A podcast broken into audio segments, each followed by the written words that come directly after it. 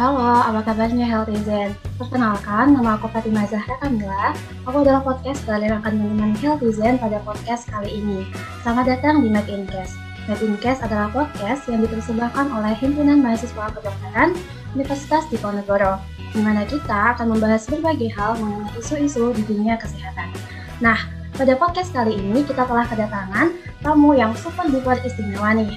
Siapa lagi kalau bukan Kak Baskar. Halo, selamat siang Kak Baskar. Halo, Mila, sehat? Waduh, tadi bahasa keren ya, super duper ya. Iya, iya, iya. Gimana kabarnya Mila, sehat ya?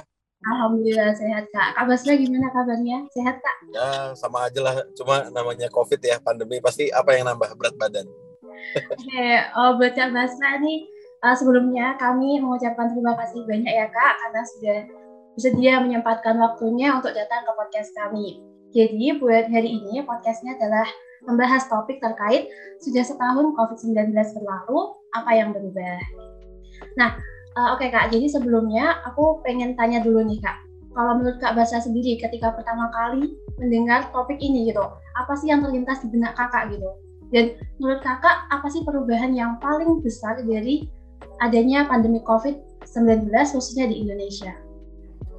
Ya, sebenarnya kalau topik yang Mila sampaikan tadi yang pertama waktu saya dikasih undangan itu ya terus saya baca apa yang berubah sih nomor satu? Pertanyaan saya udah setahun juga ya? Lama juga ya gitu. Udah setahun setengah gak sih kak malahan? Kan udah iya udah, udah lebih terus kayak saya udah ngapain aja ya? Gitu kan kayak ngapain aja saya setahun dari covid tiga soalnya kan ini uh, pandemi covid ini sebenarnya ada yang bilang uh, era uh, banyak keterbatasan gitu banyak alasan sebuah pencapaian itu karena ya karena pandemi maklumi lah. Tapi di sisi lain juga banyak orang-orang yang bisa mencapai suatu hal yang lebih dibanding yang lain karena ada pandemi. Makanya ada yang bilang juga COVID atau pandemi ini sebagai era tanpa keterbatasan gitu. Justru digital bisa bermain gitu kan. Dan ada modifikasi-modifikasi inovasi teknologi gitu ya. Jadi uh, bicara soal apa yang berubah, yang pertama kali di otak saya pasti soal tadi adaptasi-adaptasi yang dilakukan semua orang menyesuaikan diri dengan lingkungan, dengan kondisi untuk tetap bisa mencapai tujuan-tujuan yang sudah direncanakan sebelumnya. Gitu paling. Gue jadi serius ya.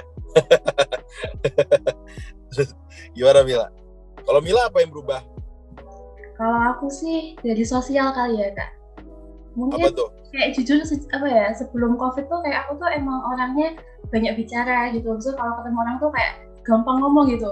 Tapi kalau semenjak covid nih, gara-gara aku di rumah terus kan, jadi kan jarang ngomong sama orang habis itu kayak hmm. jarang interaksi juga gitu tuh aku tuh jadi kayak merasa malas gitu kalau ketemu orang. Kayak, kayak takut aja gitu. Kayak ngerasa aneh udah, gitu. Kalau udah lama nggak bersosialisasi sama orang secara fisik ya? Iya kayak iya itu jadi aneh jadi gitu. juga. Bener bener bener bener. Itu menarik tuh sebenarnya kalau di diulik tuh kenapa orang jadi mager ketemu orang lain gitu ya. Sekarang jadi lebih asosial gitu apalagi walaupun sekarang kan udah kayak dibebasin ya kak, maksudnya bisa keluar-keluar gitu. Bahkan aku diajak temanku keluar aja tuh kadang kayak males gitu, kayak aduh mager dan kayak takut.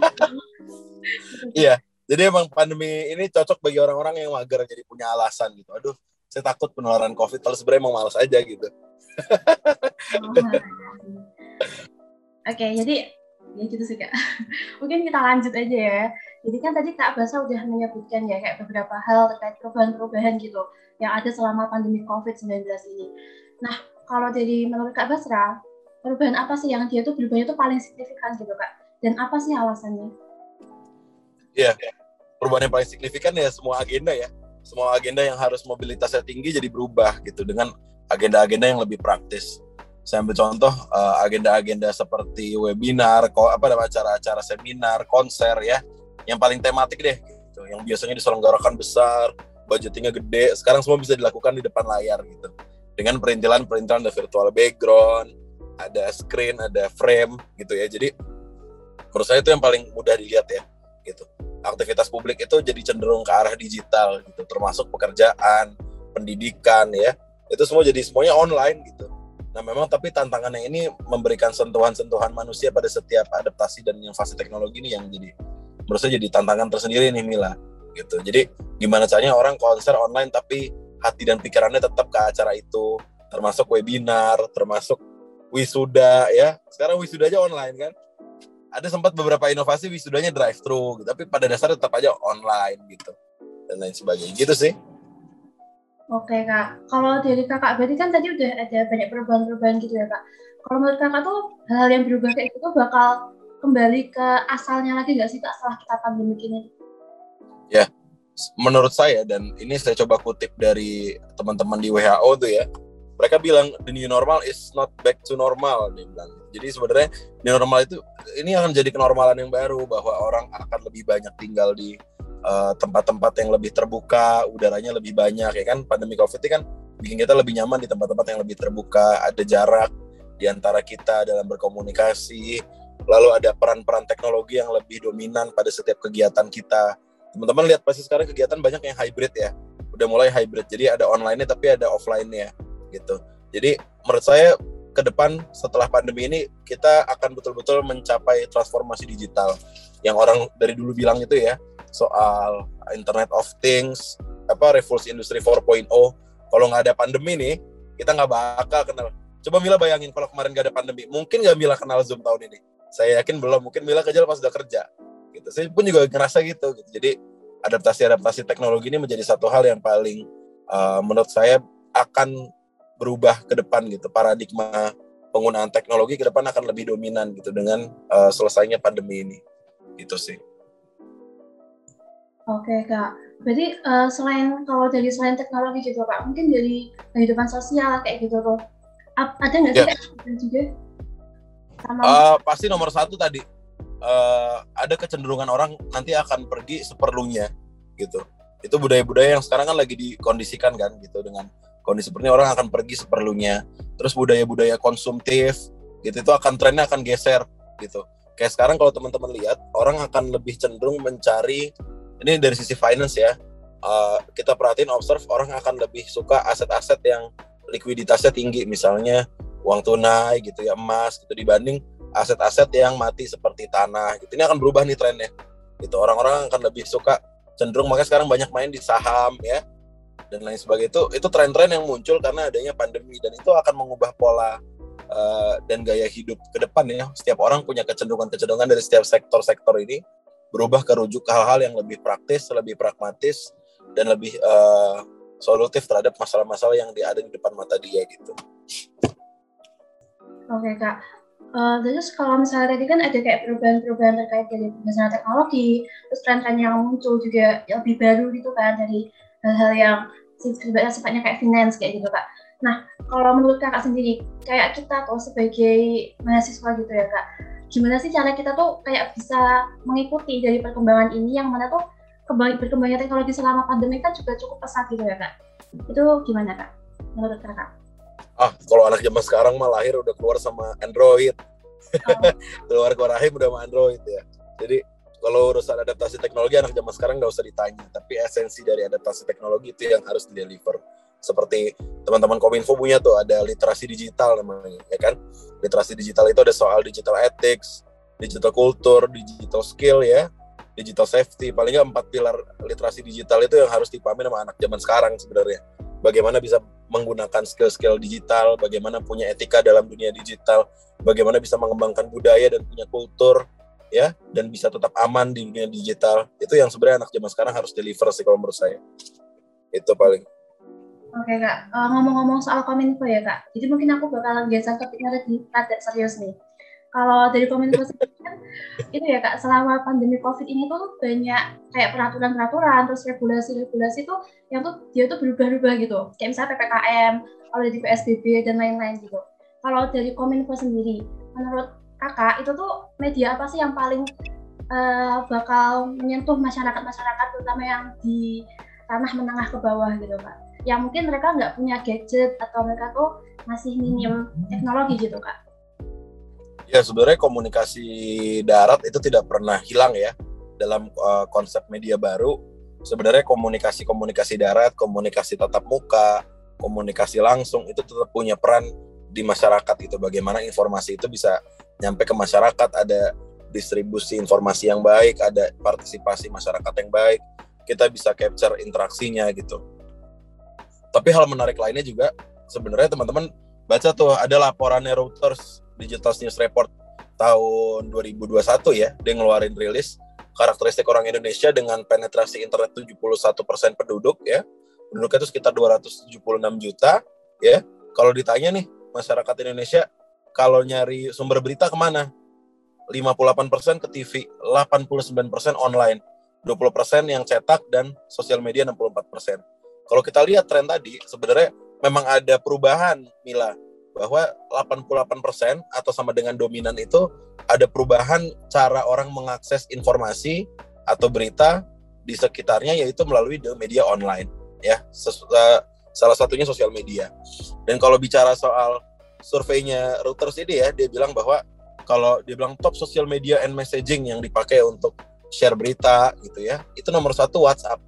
Buat berita tuh sampai 60 persen YouTube 46 persen Facebook 42 persen jadi artinya ini sangat dominan nih peran apa namanya pandemi terhadap uh, cara orang mengakses informasi dan cara orang menyebarkan informasi jadi ini menarik gitu terkait dengan uh, perubahan informasi yang cepat dan bagaimana tetap dengan perubahan itu tetap sampai ke tujuan gitu. Oke kak. Tapi uh, jujur aku penasaran sih kak. Kalau dari pandangan kakak ya terkait dari perubahan-perubahan regulasi yang ada gitu kak. Sebenarnya kayak gitu tuh benar-benar uh, worth it gak sih kak? Maksudnya kayak penting gak sih? Kayak contohnya yang PSBB tadi sih. Aku tuh dulu bingung banget terkait dari kok bisa, misalnya PSBB bisa berubah ke PPKM, lalu ke PPKM mikro dan seterusnya kayak gitu. Hal-hal kayak gitu tuh sebenarnya kayak benar-benar uh, berpengaruh atau enggak sih kak perubahan-perubahannya? Wah, ini berarti kurang dapat data nih. Jadi kalau bicara soal apa namanya, soal kebijakan itu works apa enggak, jelas nomor satu uh, di awal-awal pandemi kita nggak tahu ini barang apa, gitu, ya kan? Itu yang harus kita itu yang harus kita tekankan dulu bahwa kita nggak tahu nih barang apa, nih barang datang. Bahkan WHO bilang awalnya nggak usah pakai masker, tiba-tiba harus pakai masker. WHO bilang nggak airborne, taunya airborne dalam kondisi-kondisi tertentu ya kan? Nila tahu ya pasti. Itu yang yang hal-hal prinsip aja tuh berubah yang tadinya nggak ada mutasi jadi ada mutasi. Jadi hal-hal prinsip aja berubah. Apalagi hal-hal yang sifatnya konsekuensi teknis seperti kebijakan. Kebijakan itu kan hadir dari dasarnya ada pasti ada landasan keilmuan, landasan hukumnya, ada landasan uh, realita lapangan empiris ya gitu kan. Dan memang itu berubah terus, termasuk kondisi kalau bicara soal PPKM, PSBB itu kondisi daerah gitu.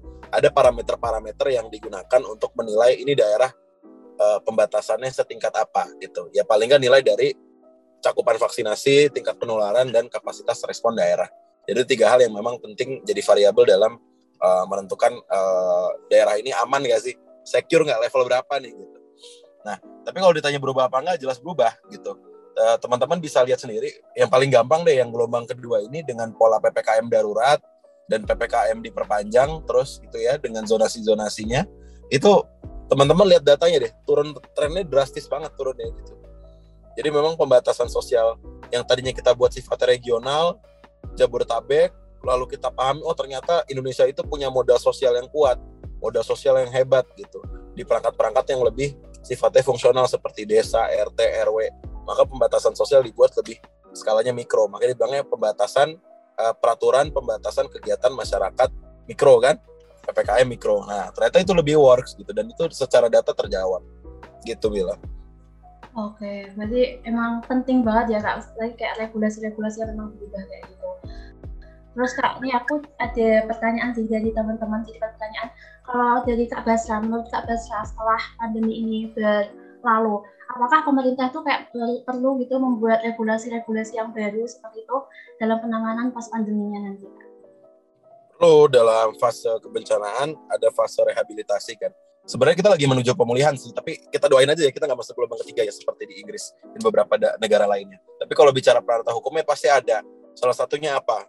Salah satunya adalah bagaimana aktivitas publik mulai dibuka, tapi pakai barcode peduli lindungi masuknya agar tertracing. Nah, itu sebenarnya salah satu konsekuensi-konsekuensi dari bagaimana kita ke depan ingin melakukan pemulihan-pemulihan terhadap sektor-sektor aktivitas publik gitu. Hmm, Oke, okay. Oke, mungkin ini bakal ganti topik lagi ya Kak. Soalnya kita beberapa punya beberapa topik. Nah, selanjutnya di sini tuh ada kemarin tuh pertanyaan yang masuk Kak terkait dari tanah sosial gitu. Di sini tuh ada yang tanya tentang uh, siapa sih kelompok umur yang dia tuh paling terpengaruh dalam keadaan pandemi COVID-19 ini Kak. Dan kalau dari pandangan kedokteran, apakah itu tuh ada kayak hubungannya ke tumbuh kembangnya nanti gitu kan?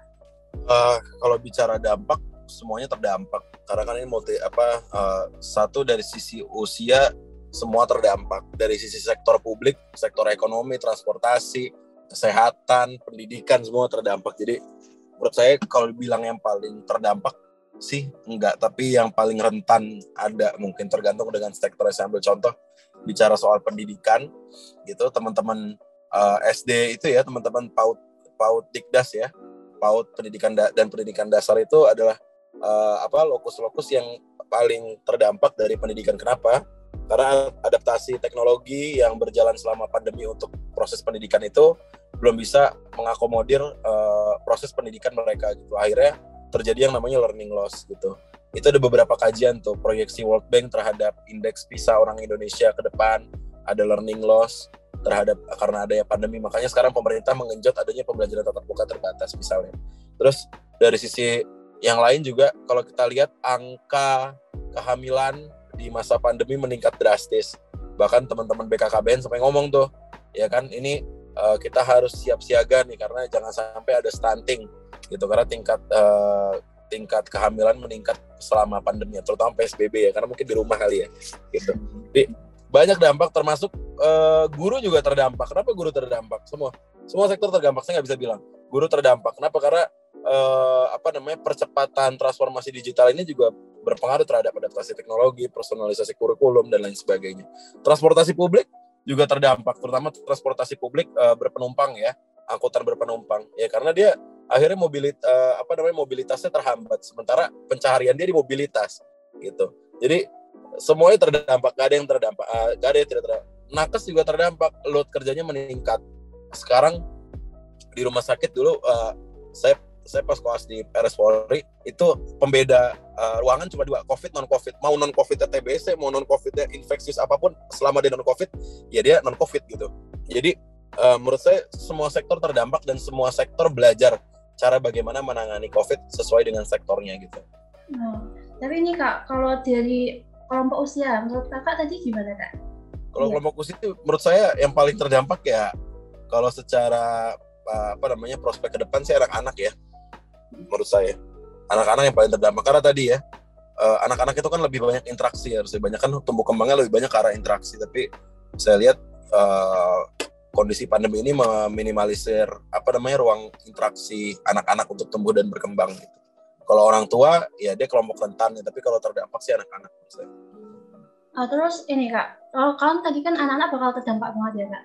Kalau menurut kakak sebagai seorang dokter gitu, ada nggak sih cara-cara yang bisa kita lakuin? Kan mungkin dari healthizen kan ada yang dia seorang kakak atau dia seorang orang tua kayak gitu. Itu ada nggak sih cara-cara yang bisa kita lakuin supaya anak-anak ini tetap bisa tumbuh dengan baik gitu tanpa ketergantungan dengan gadget atau yang lainnya gitu bicara tumbuh kembang kan ada peran gizi sosial semua ya. Itu semua berperan. Tapi kalau sebagai sesama ya ya ini ya maksudnya ini kan hal yang fisiologis ya sebenarnya. Soal bagaimana tumbuh dan berkembang apa yang harus dicapai dicapai aja gitu termasuk imunisasi apa itu kan semua terdampak lo anak-anak loh tahun lalu uh, capaian imunisasi kita drop 70% tuh surveinya CISD. Bayangin imunisasi. Kalau imunisasi nggak tuntas, anak-anak bisa jadi ada wabah difteri, polio, muncul lagi nanti setelah COVID. Gitu. Jadi uh, lakukan yang perlu dilakukan sesuai dengan apa yang harus dilakukan gitu sih kalau menurut gue ya. Eh, menurut saya ya, soalnya banyak banget. Anak-anak tuh banyak banget dari perspektif kesehatan ada yang harus dikerjain, pendidikan harus ada yang dikerjain, ya, tumbuh kembang ada yang harus dikerjain, macam-macam gitu. Saya nggak nggak bisa pertanyaannya terlalu umum sih menurut saya. Hmm, oke deh kak. Oh ya, tadi kan kakak uh, bicarain tentang vaksin ya kak. Kalau buat vaksin sendiri, uh, nanti tuh dia bakal ada kemungkinan nggak sih kak setelah dari pandemi ini dia bakal menjadi kayak sebuah vaksin buat penyakit-penyakit musiman kayak gitu, kayak misalnya seperti beberapa flu di beberapa negara gitu kak. Pertanyaan bagus, Bila. Mungkin, tapi nggak tahu, tapi mungkin halnya seperti kita mau ke karena kan arah kebijakan pemerintah sekarang memfokuskan dari pandemi jadi endemi. Artinya nanti ada daerah-daerah tertentu yang memang tingkat penularan COVID-nya masih ada, tapi daerah lainnya sudah terkendali atau sudah tidak ada. Ya kan dari pandemi jadi endemi. Dan untuk merujuk ke arah sana, kita lihat seperti kita mau ke mau umroh ya, pasti ada vaksinasi haji kan. Ya mungkin nanti ke dalam konteks pandemi akan seperti itu ya. Tapi ini semua kemungkinan ya. Karena kita belum tahu karakteristik virus ini secara mendalam. gitu paling jadi masih ini semua masih kemungkinan juga ya kak. Kita kan masih belum tahu nanti ke depannya. Mungkin masih mungkin iya masih kemungkinan lah. Tahun lalu dibilang pandemi kelar bulan September katanya bulan Agustus. Nggak kelar kelar sampai sekarang. Iya kan? Itu kayak wacana mau offline tuh juga udah dari dulu gitu. Ya iya karena semuanya masih belajar. Nggak ada yang tahu nih barang. Gitu. Oke, kak. jadi jadi mungkin aku lanjutin ke salah satu pertanyaan lagi yang menarik buat aku. Nah kan ini dengan adanya pandemi covid ini kak. Jadi kan kayak kita jadi mulai terbiasa dengan cuci tangan memakai masker dan ke depan ya kayak menjaga kebersihan banget gitu. Nah ke depannya ini tuh bakal menjadi hal yang positif atau malah menjadi hal yang negatif sih kak? Dan apakah hal, kayak gitu bakal bertahan lama kak menurut kakak? Ya, sebenarnya kalau bicara soal perubahan perilaku ini masalah norma sosial sebenarnya. Dorongan uh, dorongan dan tantangan kita adalah bagaimana memang menjadikan perubahan perilaku penula, uh, pencegahan penularan COVID ini jadi norma sosial sehingga ketika orang nggak pakai masker tuh kayak nggak pakai baju. Sebenarnya kan gitu ya. Jadi emang ada peran-peran education di sana, ada peran-peran engineering di sana, ada peran-peran enforcement di sana untuk bisa mendorong perubahan perilaku itu secara sustain. Artinya ada penegakan, ada rekayasa sosial, ada edukasi untuk pemahaman. Nah, itu tools-tools yang memang harus dikerjakan untuk bisa menjaga ini tetap sustain. Lalu pertanyaannya apakah ini akan sustain terus? Yang nggak tahu juga. Tergantung. Kalau tiba-tiba sekarang kita udah bebas dari pandemi, orang udah buka masker bisa aja gitu. Tapi itu tergantung dengan ya apa yang kita kerjakan sekarang, bagaimana kita tetap menjaga tingkat penularan rendah, paralel kita meningkatkan cakupan vaksinasi, paralel teman-teman nakes ngerjain yang perlu dikerjain gitu. Oke kak. Terus itu kak, kan tadi kan kakak bilang mungkin ke depannya tetap bakal gitu juga ya, masih mungkin gitu.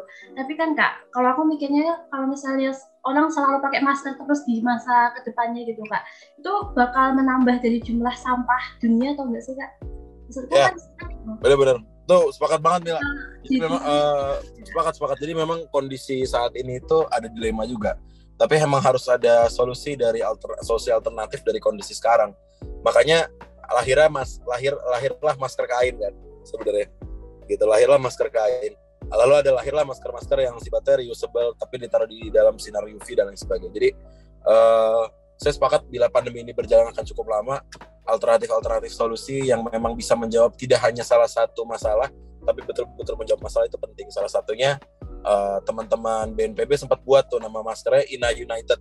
Nanti Mila cari ya itu masker kain tapi tingkat filtrasinya setara dengan N95 jadi sebenarnya bisa dipakai oleh nakes. Produksinya masih terbatas gitu. Jadi model-model inovasi seperti itu penting sekali untuk bisa betul-betul menjawab masalah bukan hanya salah satu masalah. Karena saat ini kemarin kan memang tujuan kita menyelesaikan masalah dalam kondisi darurat. Sekarang kan udah mulai stabil. Maka ruang gerak inovasi ruang gerak untuk mencari solusi yang lebih solutif itu jadi penting. Oke oke. Siap kak. Nah aku lanjut ya ke pertanyaan yang selanjutnya. Di sini mungkin ini ada kak. Ada yang tanya. Kan jadi sebenarnya kan kita udah satu setengah tahun ya COVID-19 ini. Dan kayak di mana-mana tuh selalu apa-apa tuh kayak kajiannya tuh terkait dari COVID lah dengan isu-isu COVID kayak gitu. Kan juga banyak juga sih kayak kalangan-kalangan muda ataupun anak-anak yang kayak udah bosen gitu dan malah semakin nggak aware sama isu-isu ini gitu kak. Jadi kayak udah gampangin gitu ah cuma COVID gitu kan nggak apa-apa gitu. Nah ada nggak sih kak uh, saran dari kakak supaya masyarakat itu tetap aware gitu sama isu-isu COVID ini walaupun udah berlalu cukup lama gitu kak? Ya, beberapa survei udah muncul ya bilang bahwa orang jenuh dengan COVID jelas. Dan memang model-model komunikasi ke depan harus dibedain tuh, Mila. Ada gaya komunikasi yang namanya edutainment. Jadi edukasi tapi entertain gitu. Nah, model-model edutainment itu yang sebenarnya uh, Mila dan teman-teman harus bisa uh, cari tuh apa yang kira-kira bisa mengedukasi tapi mengentertain masyarakat karena masyarakat udah cukup jenuh gitu dengan kondisi pandemi yang cukup panjang dan dampaknya ke kehidupan sehari-hari cukup besar gitu. Oke, berarti ya intinya tetap kita sebagai mungkin itu jadi tenaga kesehatan ya kak berarti buat mengedukasi. Ya juga sesama aja lah. Sesama, sesama aja. orang oh. orang COVID ini dampaknya bukan cuma ke kesehatan kan ke ekonomi. Tadi saya jelasin ya. Jadi menurut saya sama aja sih udah udah saling mengingatkan dalam kebaikan dan kebenaran tuh kalau kata Al Asra ayat 3. siap, Oke, mungkin uh, udah udah 30 menit nih, Kak. Mungkin kita langsung ke topik terakhir aja deh. Buat Oh, masih ada lagi? Sebenarnya oh, ya, tapi karena kita nggak boleh lama-lama ya kalau podcast. itu iya. itu kita ah nih buat Kak Basra ada nggak sih Kak tips and trick terkait dari gimana kita menghadapi segala perubahan-perubahan yang terjadi ini. Kan mungkin masih ada yang kayak mereka tuh kaget dengan perubahan-perubahan yang ada. Mungkin orang-orang tua kayak gitu yang masih kayak belum apa ya akrab dengan dunia dunia teknologi kayak gitu. Gimana sih kita tuh bisa menghadapi semua semua perubahan ini supaya tetap bisa maksimal gitu menjalani kehidupan? Ya prinsipnya satu jalanin aja dulu. Nggak ada ya kita uh, manusia cuma bisa merencanakan Tuhan yang menentukan gitu kan. Tapi paling enggak kita bisa mengusahakan. Jadi kalau menurut saya apa yang ada di depan mata kerjain aja gitu. Gitu. Rencana boleh tapi yang paling penting depan mata dikerjain aja. Karena itu yang paling penting gitu. Karena setiap hari kita ketemu banyak masalah dan setiap keputusan yang kita ambil dari masalah itu menentukan bagaimana masa depan kita. Jadi yang paling penting menurut saya jalanin aja ya. Terus kalau ada tips tambahan boleh dibangun sedikit mentalitasnya saya suka ada quotes ya teman-teman beberapa platform tuh ya. Lebih baik minta maaf daripada minta izin gitu bangun mentalitas dan tetap semangat dan tetap sehat gitu. Ya. oke mungkin uh, setelah itu kak sekalian kasih closing statement dong buat kita. Iya. Apa ya closing? Jadi kayak udah closing statement. Jadi kalau menurut saya sih uh, teman-teman inilah ya jangan patah semangat pandemi kita nggak tahu sampai kapan tapi yang kita tahu apa yang bisa kita lakuin ke depan gitu. Jadi uh, fokus sama apa yang bisa kita kerjakan dan fokus sama apa yang bisa kita lakukan dan coba hindari hal-hal yang memang kontraproduktif karena pandemi ini adalah masa-masa yang sangat uh, baik menurut saya. Kenapa? Karena setiap masa-masa krisis itu selalu melahirkan dua orang orang yang gagal karena tidak punya kesempatan dan orang-orang yang berhasil karena berani ngambil kesempatan. Itu adalah hal baik dari sebuah krisis dan jangan sampai teman-teman tidak bisa memanfaatkan momen-momen krisis ini untuk mencapai sebuah keberhasilan-keberhasilan atau pencapaian. Itu aja dari saya. Ya, makasih banyak Kak Basa. Keren banget sih Kak quotes-nya. Oke, okay, sip. Oke, okay, jadi oh, oke okay ya. Mungkin ada tambahan lagi Kak sebelum aku close. Nah, kamu close aja aku nggak enak. Atau mungkin ada pesan-pesan dari Mila? Saya balik. Nah, banget sih kak. Ya, punya insight-insight baru juga. Jujur aku oh, iya. kalau buat perubahan tuh gimana ya? Kayak kaget sih. Aku sampai sekarang masih kayak kaget gitu. Masih nggak percaya aku udah kuliah. Pas itu aku tuh sebelum pandemi kan masih ujian kelas 12 ya kak. Oh iya. sekarang aku kuliah semester 3 lagi gitu kayak. Lah iya bener ya. Berarti belum pernah ke kampus sama sekali ya? Hah? Ini kalau ini sih, ini kan aku lagi praktikum anak offline ya kak. Jadi sekarang ke kampus, tapi kayak pas masuk kampus tuh kayak aku masih kaget gitu. Loh, ya aku tuh bener-bener udah kuliah gitu. iya, semua juga gitu, ngerasain gitu lah. Ini nggak ada prom, nggak ada apa gitu ya. Semuanya berubah gitu dan semoga perubahan-perubahan ini bawa kebaikan ya buat Mila dan teman-teman yang ada di sana. Jadi uh, sebenarnya seru banget sih kak masih pembahasannya dan mungkin kalau kita bahas mesti masih banyak hal yang bisa kita gali lagi. Tapi mm -hmm. ya sayangnya kita udah sampai di penghujung podcast ya kak. Dan terima kasih banyak buat kak Basra yang udah menemani kami buat dalam podcast kali ini terkait dari sudah setahun COVID-19 berlalu, apa yang berubah. Semoga Kak Basra senantiasa diberi kesehatan dan semoga pandemi COVID-19 ini bisa segera berakhir. Nah, sebelum podcast ini berakhir, aku nih mau menyampaikan beberapa kalimat nih Kak. Yes. jadi uh, jadi memang banyak perubahan yang terjadi selama pandemi COVID-19 ini. Ada yang baik, ada juga yang kurang baik. Nah, kita sebagai manusia biasa yang sedang berjuang akan semesta, alangkah baiknya bisa secara bijak menyikapinya. Pilih-pilih mana yang harus kita perjuangkan, mana yang tidak. Senantiasa jaga protokol kesehatan dan jangan lengah tetap semangat menggapai banyak hal dalam keterbatasan. Sehat selalu semua, sampai jumpa di Made in selanjutnya.